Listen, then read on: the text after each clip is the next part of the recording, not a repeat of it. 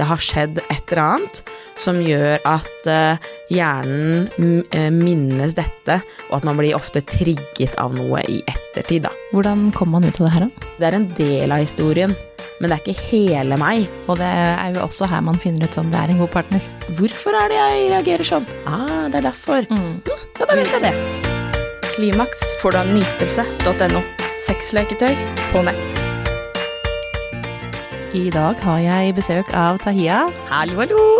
Du er jo min absolutt eh, fast, mest faste gjest. Ja. Det er du altså. Eh, og det er ikke uten grunn, for du er jo sexolog og parterapeut. Mm. Eh, flink til å prate. Det liker alle lytterne veldig godt. Ja. Og eh, i dag skal vi snakke om noe som gjelder ganske mange, eh, nemlig traumer. Og man har jo traumer i, opp gjennom livet av forskjellige, altså av uh, forskjellige typer traumer. Mm. Enten om det er utroskap eller hvordan man har vokst opp. Og, altså, det er så mange ting som har skjedd i livet til folk, Mm. og som vil dra med oss inn i et forhold. Klimaks får du av nytelse.no. Akkurat nå får du 20% avslag om du bruker rabattkoden KLIMAKS neste gang du handler. Eh, og hva er de mest typiske traumene som eh, folk kommer til, med, til deg med? Altså de mest vanligste traumene som vi som parterapeuter i hvert fall blir godt kjent med, det er jo f.eks. sånn som utroskap. Mm. Og hva det gjør med mennesker i etterkant, og hvordan man tar med seg det videre inn i nye relasjoner. Så det er kanskje på en måte et av de hovedtraumene som vi ser. Eh, Men så kan det også være andre ting, sånn som fysisk og psykisk vold. Um, og det kan ha skjedd i relasjonen de er i, i tidligere, tidligere relasjoner. Eller også i relasjoner som de har hatt med omsorgspersoner. Eh, Så kan det også ha skjedd.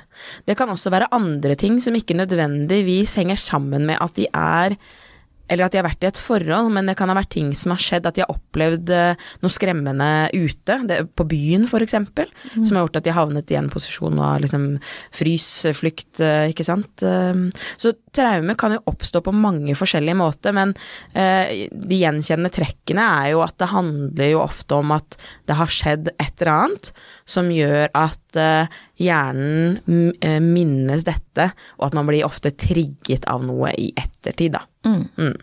Og da kan man liksom i et nytt forhold for eksempel eh, bli retraumatisert. Det kan man bli, og det skjer veldig ofte, da. Ja. Mm. For disse her, eh, det er triggere som, som gjør at du tar deg tilbake til den følelsen det var den gangen. Ja. Og ofte så er det jo kanskje dessverre sånn at eh, mange kan ha opplevd noe veldig traumatisk. Og så har man kanskje ikke jobbet godt nok gjennom det. Kanskje man har snakket litt med venner eller delt det med noen, men man har kanskje ikke jobbet godt nok gjennom det med terapeut, f.eks. Um, så da når man går inn i nye relasjoner, så vet man kanskje ikke hva som trigger. Man vet ikke hvorfor man kjenner på følelsen av å bli retraumatisert. Og man vet ikke egentlig at det er blitt et sånt ordentlig traume. Man vet at det har skjedd et eller annet, man har opplevd noe vanskelig og noe vondt, men at det faktisk har satt seg i kroppen som et traume, det vet man faktisk ikke. Nei. Hvordan kommer man ut av det her, da? Nei, det er jo ved å snakke, og det er jo mange som syns at det er vanskelig, fordi da, når man prater om det, så kjenner man på at man kan bli retraumatisert bare av å snakke om det. Man går tilbake til hendelsen, man plutselig lukter lukten som var der når det skjedde. Eh, Men det er samtaleterapi i mange forskjellige former som er den beste måten å jobbe seg gjennom opplevde traumer på. Og selvfølgelig videre kommunikasjon i de relasjonene man skal ha i ettertid. Og da kommer det jo litt an på hva slags type terapi er det snakk om. For noen så vil det kanskje holde etter utroskap, f.eks. prate med en parterapeut eh, for å få litt hjelp til hvordan skal jeg håndtere denne videre kommunikasjonen med en ny partner. Mens andre f.eks. har veldig godt av kognitiv atferdsterapi, f.eks., eller kognitiv terapi. Er- Fordi hm? Og hva er det? Ja, nei, da eh, Det fins jo, for, jo forskjellige måter å jobbe med kognitiv terapi på, men det handler jo på en måte om å gå inn i selve det som har skjedd, og så får man noen verktøy til hvordan man skal jobbe med det. For eksempel spørsmål som Ok, men hva er det du er redd for? Og hvis, hva skal du gjøre da hvis det skjer? Sett deg selv i den posisjonen eller den situasjonen. Hva skal du gjøre da? Hvor sannsynlig er det for? ikke sant? Og så jobber man på en måte ut ifra det. Og så får man en dialog som går litt fram og tilbake, hvor man får liksom avskrekket litt scenarioene, da. For ofte så har vi jo noen tanker oppi hodet om hva det er vi tror Som at skjer, kommer til å skje. Og så er det veldig lite sannsynlighet for at det kommer til å skje. Men det er så vondt å sitte med den følelsen, da. Veldig, veldig vondt. Eh, og så er det jo også, i sånne tilfeller, så kan jo de som ikke har traumen, føle at herregud, er vi ikke ferdig med det her enda? Ja. Enten om du er den som har vært utro, f.eks., eller at du er en ny partner som kommer inn eh, og skal være sammen med noen som har vært utro. Eller, eller som har blitt vært, altså noen har vært utro mot de. At det kan bli sånn eh, hvor lang tid skal det her, skal det her ta? At, det, at det føles litt som jeg veit, jeg vet ikke, for det, du veit ikke. Eh, og det, det tar jo den tiden det tar, og for noen så kan det kanskje gå fort, mens for andre så er det på en måte der for alltid, nesten. Ja, for noen så liksom- er det sånn at man trenger å bruke masse tid på det, og at det hele tiden trenger å være tilbakevendende tema i samtale om hvordan man kan trygge hverandre, hvordan man kan kjøre, sørge for å ikke bli retraumatisert og retrigget da, eh, i forholdet.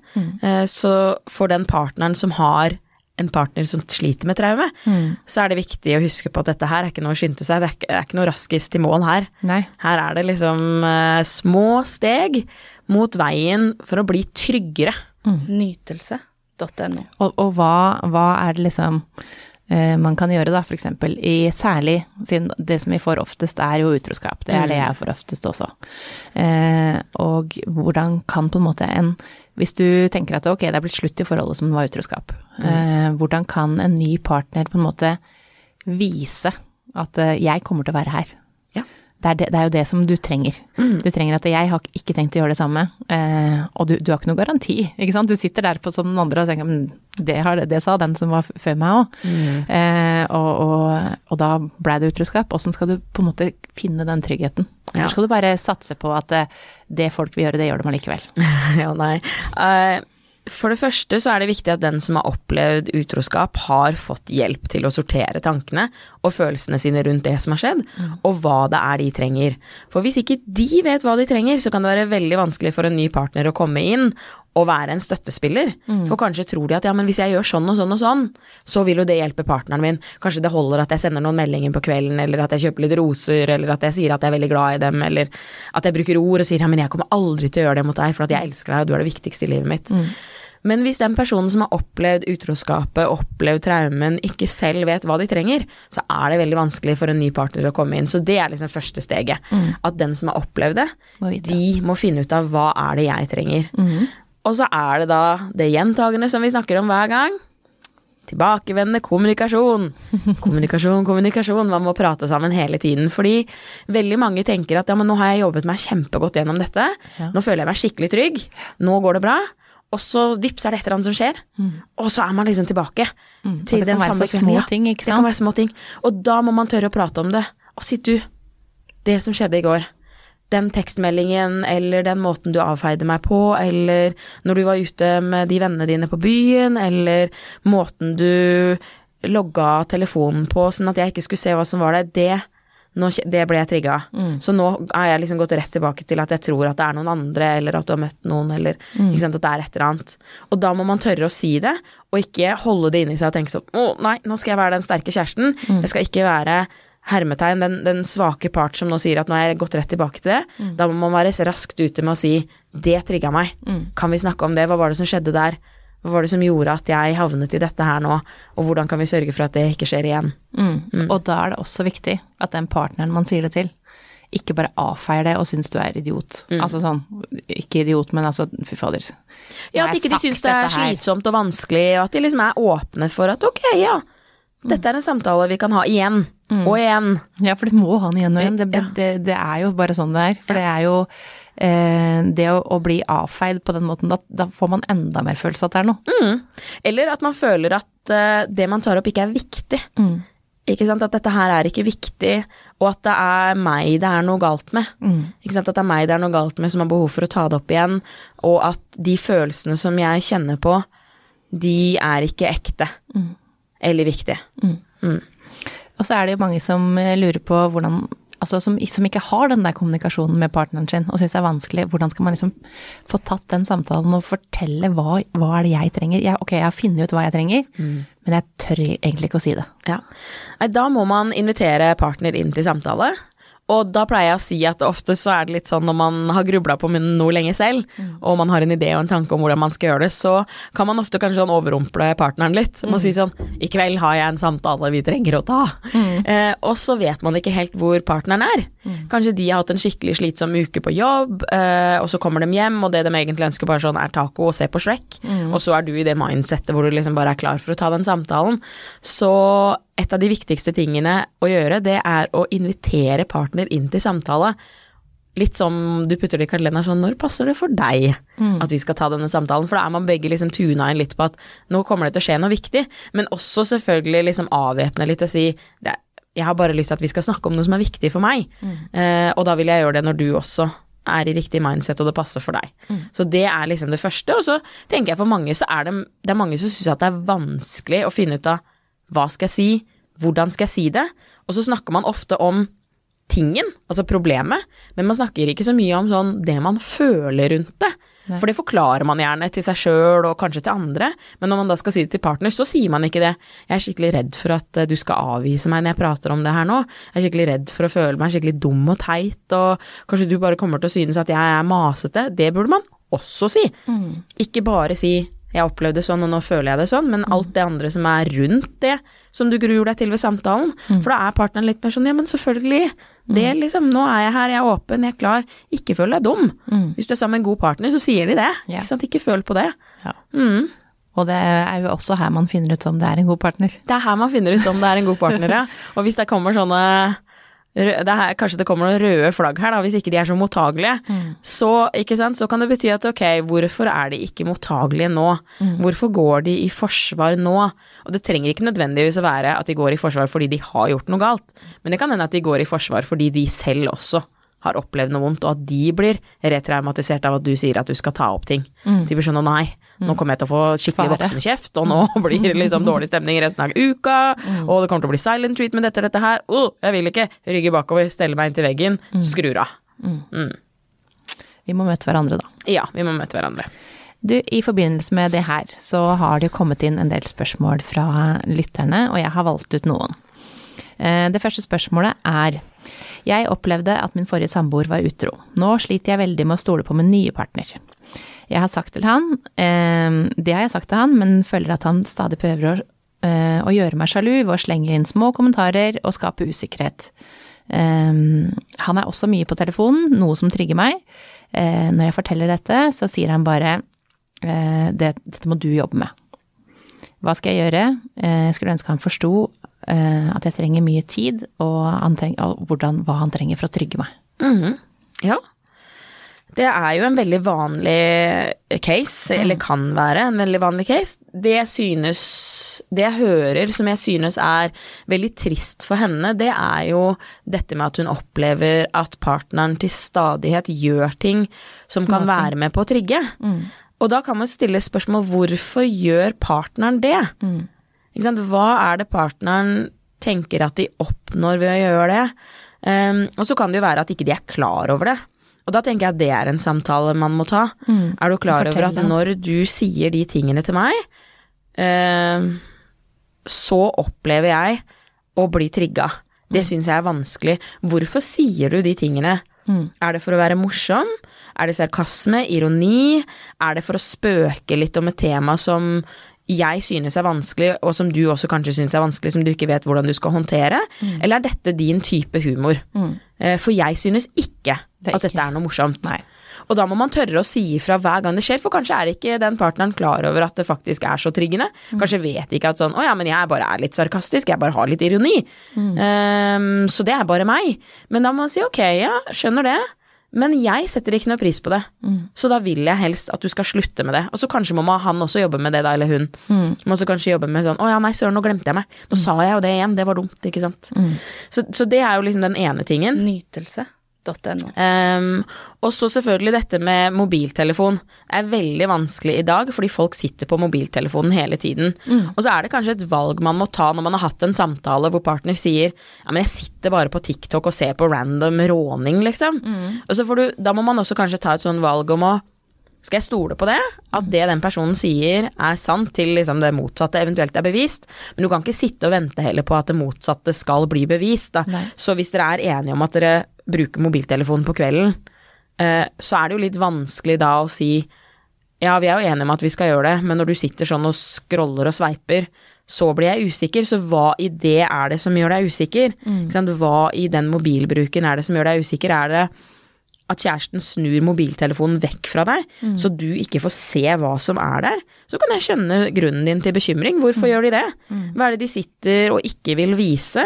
Samtidig så kan det være jobbmail man svarer på, det kan være meldinger med venner, familie som du ikke egentlig er invitert til, eller som man ikke vil forstå konteksten av. Da må man snakke om det, snakke om hva er det som er hva er hovedproblemet med den mobilbruken? Og hvis det er sånn at de snur mobilen vekk fordi de sitter og liker bilder av damer i G-streng på Instagram, og dere er enige om at i deres forhold så skal dere være forsiktige med det, så må man jo prate om det. Ja. Hvorfor gjør du det når jeg sitter her i sofaen? Ja, hvorfor gjør du det generelt? Eller hvorfor gjør du det generelt, ja? For da, om du gjør det når jeg sitter i sofaen, eller om du gjør det bak ryggen min, så er det like dumt. Ja. Men, men, men det at man blir usikker, da. eh, Det er jo det det handler om. At, man, at det trigger noe. Mm.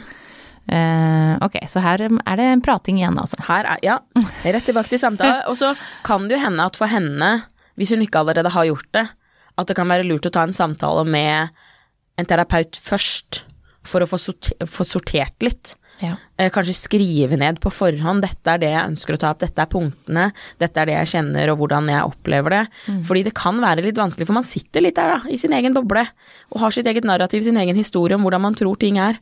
Så kanskje kan det være lurt å få litt innsikt fra noen andre også, så Ja. får man på en måte sortert litt grann bedre. Så er man litt bedre liksom rusta når den samtalen kommer. Og samtidig også så kan man kanskje få litt feedback på er, hvordan skal du sette grenser? For det handler litt om grensesetting også. Du har også lov til å si at ja, men jeg ønsker ikke å ha det sånn. Nei. Og så hvis den partneren da sier ja, men jeg er sånn, jeg er sånn. Ja, ok, men da er det kanskje ikke riktig partner for deg. Mm. For dette, det er jo, det skal jo fungere sammen òg. Det er ikke sånn at jeg har alltid gjort det her, jeg, så, så sånn er det bare. Sånn er jeg. Ok, men da passer ikke det for meg, da. Ja. Ja. Det er lov å si. Eh, neste spørsmål. Jeg var eh, tidligere eh, i et ganske voldelig forhold og sliter med å finne en ny partner. Jeg er redd for at dette er et mønster som jeg, og at jeg vil falle for samme type på nytt. Hvordan kan jeg endre dette? Ja. Det hørtes jo ikke godt ut å ha vært i et sånn type forhold. Nei. Og det stemmer det at når vi har blitt traumatisert med noe, eller når vi har opplevd noe, og det kan også komme fra barndommen, så har vi noen tendenser til å gå mot det kjente. Føler en trygghet i det som har vært, selv om det var dårlig. Ja, og spesielt hvis man har vært En ting er liksom voldelig, men også det psykiske som skjer i voldelige forhold. Gaslightingen, hersketeknikken. ehm, det at andre mennesker kan få deg til å tvile på din egen sannhet og din egen troverdighet. Eh, det er noe i det som på en måte blir gjenkjennbart, da. Og måten man kanskje opplever dype daler på. Veldig, veldig sorg. For så opplever oppleve veldig, veldig lykke, og den eneste som kan gi deg det, det er den andre parten. Og, og det er veldig farlig. Så når du har opplevd og hatt et så traumatisk forhold, så, så er det absolutt å anbefale at du prater med noen, sånn at du får litt hjelp til å finne ut av både de mønstrene, og om dette er noe du har tatt med deg fra tidligere, og hvordan du egentlig da skal finne ut av men hva slags type menneske er det du egentlig ser for deg at du har lyst til å være sammen med, og hvordan kan man luke ut de menneskene som kanskje kan havne i samme type kategori. kategori. For jeg har litt troa på da, at et menneske kan være et type menneske i et forhold. Fordi den dialogen blir sånn, og fordi kanskje de andre menneskene også ikke setter tydelige nok grenser, er ikke klare nok på ting. Men så kan de i et annet forhold kanskje ikke bli Den samme personen. den samme personen.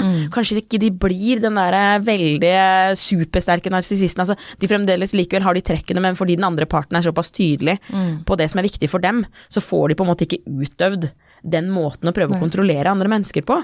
Eh, og, og det tror jeg på en måte at i noen relasjoner så er det veldig ufordelaktig. For en som har en tendens til å være den som har lyst til å styre, så kan det være veldig dumt å være sammen med en som lar seg styre, og som er en people pleaser, og som sliter med veldig sånn perfekt pikesyndrom. Fordi da kan det bli veldig mye forsterka hos den som har det behovet. Og det er en vanskelig balanse. Så jeg tenker at hvis man er sånn, så må man finne et menneske som ikke har det behovet, som kanskje er litt likere, som også er litt lettere tilbøyelig, som også gjerne vil møtes på og bøye seg litt, sånn at ikke det blir en sånn derre Bare en som bestemmer, Ja. og har styrer hele opplegget. Ja. Ja, og det, det, det er vanskelig å vite før man møter noen, ikke sant. Hvem, hvem slags type person er du? Ja. Uh, Men, men kanskje et av de første liksom, røde flaggene på det, det er en ting er sånn hvordan får de deg til å føle, og hvordan får de deg til å føle i forhold til ting du ytrer og sier som er din mening. Prøver de å få deg til å tro og mene noe annet når du har sagt eller snakket om noe som er viktig for deg? Nytelse.no. Eller aksepterer de det bare og sier sånn ja, ja, her er vi uenige, men det er helt greit. Eller får de deg til å føle deg som om du er du har feil mening. at du har feil mening, at du er dum. Får de deg til å føle deg bra når du skal på en måte for eksempel vise fram kroppen din for første gang? Føler du deg trygg da i det? Eller føler du at du egentlig skulle vært bedre? Eller at de, at de måler deg opp og ned? Det er noen, ikke sant? Det er noen første sånne røde flagg, spesielt dette med her med troverdigheten din. Mm. Får de deg til å tvile på den? Mm. Rødt flagg. Ja. Får de deg til å tvile på det? Mm. Nei. Ta beina fatt. Ta beina på og løp. Mm. Siste spørsmål er hvor eh, farlig er det å ikke behandle traumer? Jeg har opplevd traumer på så mange måter at man blir liksom litt vant til det. Eh, og så føler jeg at det blir litt mye når man først skal ta det opp, eh, og på en måte få hull på byllen. Mm. Kan det være farlig å ikke behandle? Ja, det er litt øh, øh, forskjellige meninger om det i liksom psykologiverden. Fordi før så var det jo veldig vanlig at man jobba liksom veldig dyptgående med traumene, og man eh, liksom rebesøkte de hele tiden fordi man liksom skulle ned der og jobbe i dypet. Og, og for noen så er det veldig viktig, og kanskje for noen så er det viktig å gjøre det i begynnelsen, men så ser man også det at det som også er like viktig, det er for folk det er for folk å, å få lov til å ta de skrittene videre fremover mot det å ikke kjenne på de vonde følelsene hele tiden. Mm, ikke alltid se tilbake. Ja, ikke alltid se tilbake, fordi det er jo fremover man skal. Og så er det det er jo på en måte noe man har med seg i sekken, og noe som blir med hele tiden. Men den sekken skal jo gjerne liksom kjennes litt lettere ut. At det er litt lettere å bære det med seg. At på en måte, ok, det er en del av historien, men det er ikke hele meg. Det er en del av hvem jeg er, og jeg har lært noe av det. Noe som kanskje heller ikke var så godt for meg, for det er det ofte ikke. Det er jo bedre å ikke ha opplevd traumen og si 'å, jeg er blitt sterkere av det'. det. Ja, men du trengte ikke det. Nei. Det skulle ikke egentlig vært nødvendig, så det er veldig dumt at det er blitt sånn 'ja, det har gjort meg sterkere', men det hadde vært bedre for deg hvis ikke du hadde opplevd det på mange måter. Så jeg, jeg tror det at eh, det er fint å ta en tur og prate om det, og finne ut av hva det har gjort med hvem man er blitt, og, og kanskje litt hva slags mønster man har tatt med seg. Men samtidig så tror jeg også for mange at det å gå tilbake og besøke det hele tiden, kan være veldig retraumatiserende. Ikke sant, At man aldri kommer seg videre, at man hele tiden ruger på det samme. Det kan være veldig vondt. Så her må man liksom finne litt ut av hva det er som er bra for en sjøl. Hva slags type terapiform det er som fungerer best for en selv. eh, og hvordan man egentlig har lyst til å ta det med seg videre i livet. Men det kan jo høres litt ut som på spørsmålet som om hun eller han ikke har kanskje gjort den jobben. Som om de ikke har tatt den turen tilbake og besøkt litt og kjent litt på hva det er. Nei, og også kanskje at det, det ikke det, det på en måte Det, det, går greit òg. at, det- at, at det Ja, det føles jo så mye, men det er jo bare Ja. Det er jo bare sånn. Det er sånn det, det er meg, det er alt det jeg har opplevd, så Mm. Men det går greit. Altså det, at det er litt sånn. Eh, Men mange kan også kanskje tenke og tro at det går greit, og så får de en åpenbaring når de får jobba litt sammen med, med riktig terapeut, at oi! Er det, oi, er det derfor mitt derfor, reaksjonsmønster er sånn, ja? Ja. Er derfor jeg trekker meg tilbake på den måten?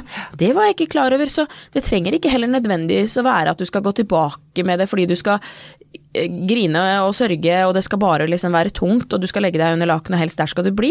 Men at du også kanskje får noen åpenbaringer om at å ja, Derfor jeg er så som det jeg er er. derfor jeg reagerer sånn når noen gjør det. Hmm, det hadde kanskje vært fint å ikke reagert så mye, at jeg vet at det er derfor det kommer, og så kanskje eventuelt fortelle det til en partner. Mm. hvis du opplever at jeg tar meg en tur i kjelleren eh, når sånn og sånn skjer, når du sier nei til meg, eh, så må du vite at det handler om det, for det er jo det vi egentlig vil.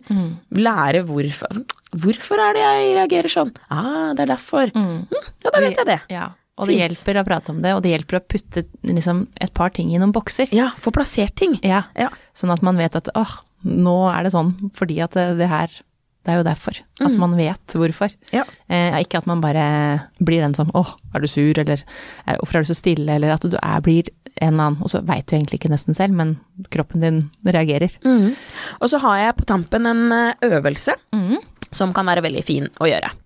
Eh, mange synes at det kan være veldig vanskelig å skulle konfrontere eh, mennesker som har påført dem traume.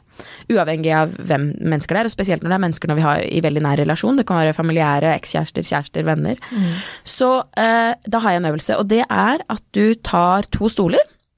Og du må være alene, du må ha mulighet til å kunne si det du ønsker og føle deg trygg. Så du tar to stoler, og så setter du dem mot hverandre, og så setter du deg i den ene stolen. Mhm. Og så sier du alt det du føler, og alt det du trenger å få ut.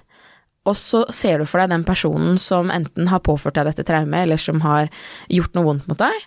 Du ser for deg den personen, og så ser du for deg at de sitter der, og at du får sagt alt det du trenger å si til den personen. Mm. Alt sammen. Alt du trenger å si. Hvordan, hvordan det har påført deg smerte. Hvordan du jobber med det i dag. Hvem du er blitt på grunn av det. Og da kan du gråte, og du kan skrike, og du kan rope. Eller du kan si det med rolig stemme. Si det på akkurat den måten du vil. Og dette er en øvelse som du kan gjenta altså så ofte du trenger det. Og for veldig mange så er dette veldig forløsende fordi eh, for mange så kan det være veldig vanskelig å ta den samtalen med den personen. Kanskje du ikke kan. Kanskje de ikke lever lenger. Kanskje de er borte. Kanskje det er mennesker du ikke ønsker å møte. Eller kanskje du bare har behov for å få sagt ut, men du har ikke lyst eller er ikke klar å si det til den personen. Stoløvelsen da er en kjempefin øvelse som du kan gjøre, og det er helt trygt, for det er bare deg og det imaginære. Ja. Og så kan du også, hvis du er sånn at du ikke er alene, så kan du faktisk skrive ned alt, som om det skulle vært en melding du sendte, men du bør ikke sende den. Yes. Sånn at du, du har på en måte fått det litt ut. Mm. Ut av kroppen, for det hjelper å få det ut av kroppen. Det gjør det. Klimaks får du av nytelse.no. Sexleketøy på nett.